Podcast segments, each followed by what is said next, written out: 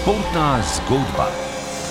V Stokholmu se je z velikim finalom med Francijo in Dansko končalo svetovno rokometno prvenstvo. Svetovni prvaki so Danci, več pa v jutranji športni zgodbi Urožvalk.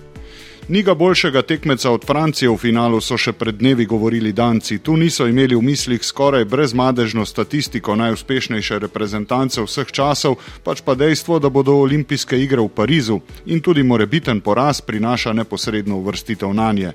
Pot do svojega tretjega zaporednega zlata na svetovnih prvenstvih, kar ni uspelo še nobeni od vele sil v preteklosti, so na nek način Danci začeli že z medijsko vojno proti sodnikom pred skoraj tremi tedni.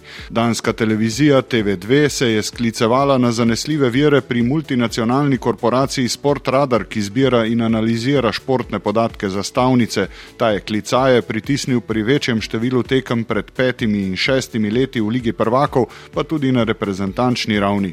Posebej so danski televizijski novinari omenjali dva sodniška para, ki bi lahko bila upletena v nečedne posle. Oba prihajata z Balkana, prav Makedonca, Načevski in Nikolov, pa sta menda najbolj sumljiva. In glej ga zlomka, Načevski in Nikolov sta bila preiskavi na evropski ravni na kljub sodnika v finalu.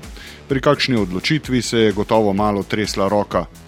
Sredi turnirja so danci udarili po organizatorjih, čež da je hotel v neposrednji bližini dvorane v Malmeju odprt za javnost in konference v času, ko igravci potrebujejo mir in predvsem čim manj stikov z zunanjim svetom. Korona namreč še razsaja. Naprej so se pritoževali danci tudi pred neposrečenim urnikom petkovega polfinala, v katerem se ni vedelo do poznih srednjih ur ali bodo morali potovati celo v Gdansk. Na koncu so in zaradi tega pokvarili še novinarsko konferenco pred finalom ko so na njo poslali vse razen svojih šestih najboljših igralcev. Vsi so iskali Hansena, Gicela, Pitlika in Landina, dobili niso niti Melgarda. Za nameček je selektor Jakobsen v velikem finalu skrival Mikela Hansena v drugi polčas in Danska je bila boljša vso tekmo. Francozi niso niti enkrat vodili. V svojo zbirko so dodali šele tretje srebro, v finalih ni več samo umevno, da zmagujejo. Vsaj na svetovnih prvenstvih so to zdaj Danci.